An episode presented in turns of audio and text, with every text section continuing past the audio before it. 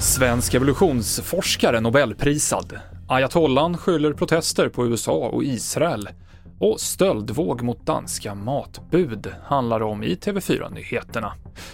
Vi börjar med att berätta att fem personer dödades när en bilist mejade ner en grupp universitetsstudenter på en busshållplats i Slovakiens huvudstad Bratislava igår.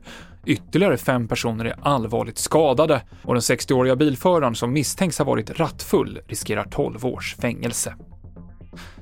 Svenske Svante Pääbo får årets Nobelpris i fysiologi eller medicin för sina upptäckter om människans evolution. Han har utvecklat metoder som gör det möjligt att analysera historiskt DNA.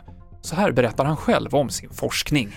Det vi gör är egentligen drivet av nyfikenhet över människans evolution, för att se hur människor som levde för 40, 50, 100 000 år sedan är, besläktade med folk som lever idag och hur neandertalare, en annan människoform som fanns då, är besläktade med oss.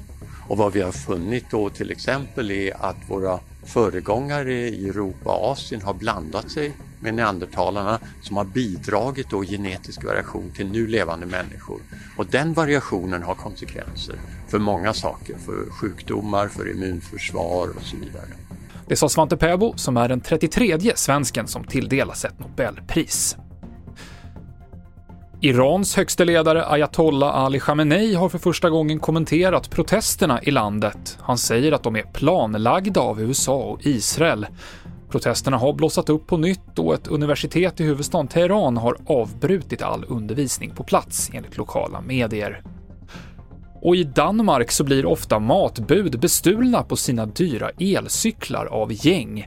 En matleverantör säger till tidningen Cyklister att det skett 145 cykelstölder från dem, både när cyklarna stått parkerade eller genom att buden blivit hotade och rånade.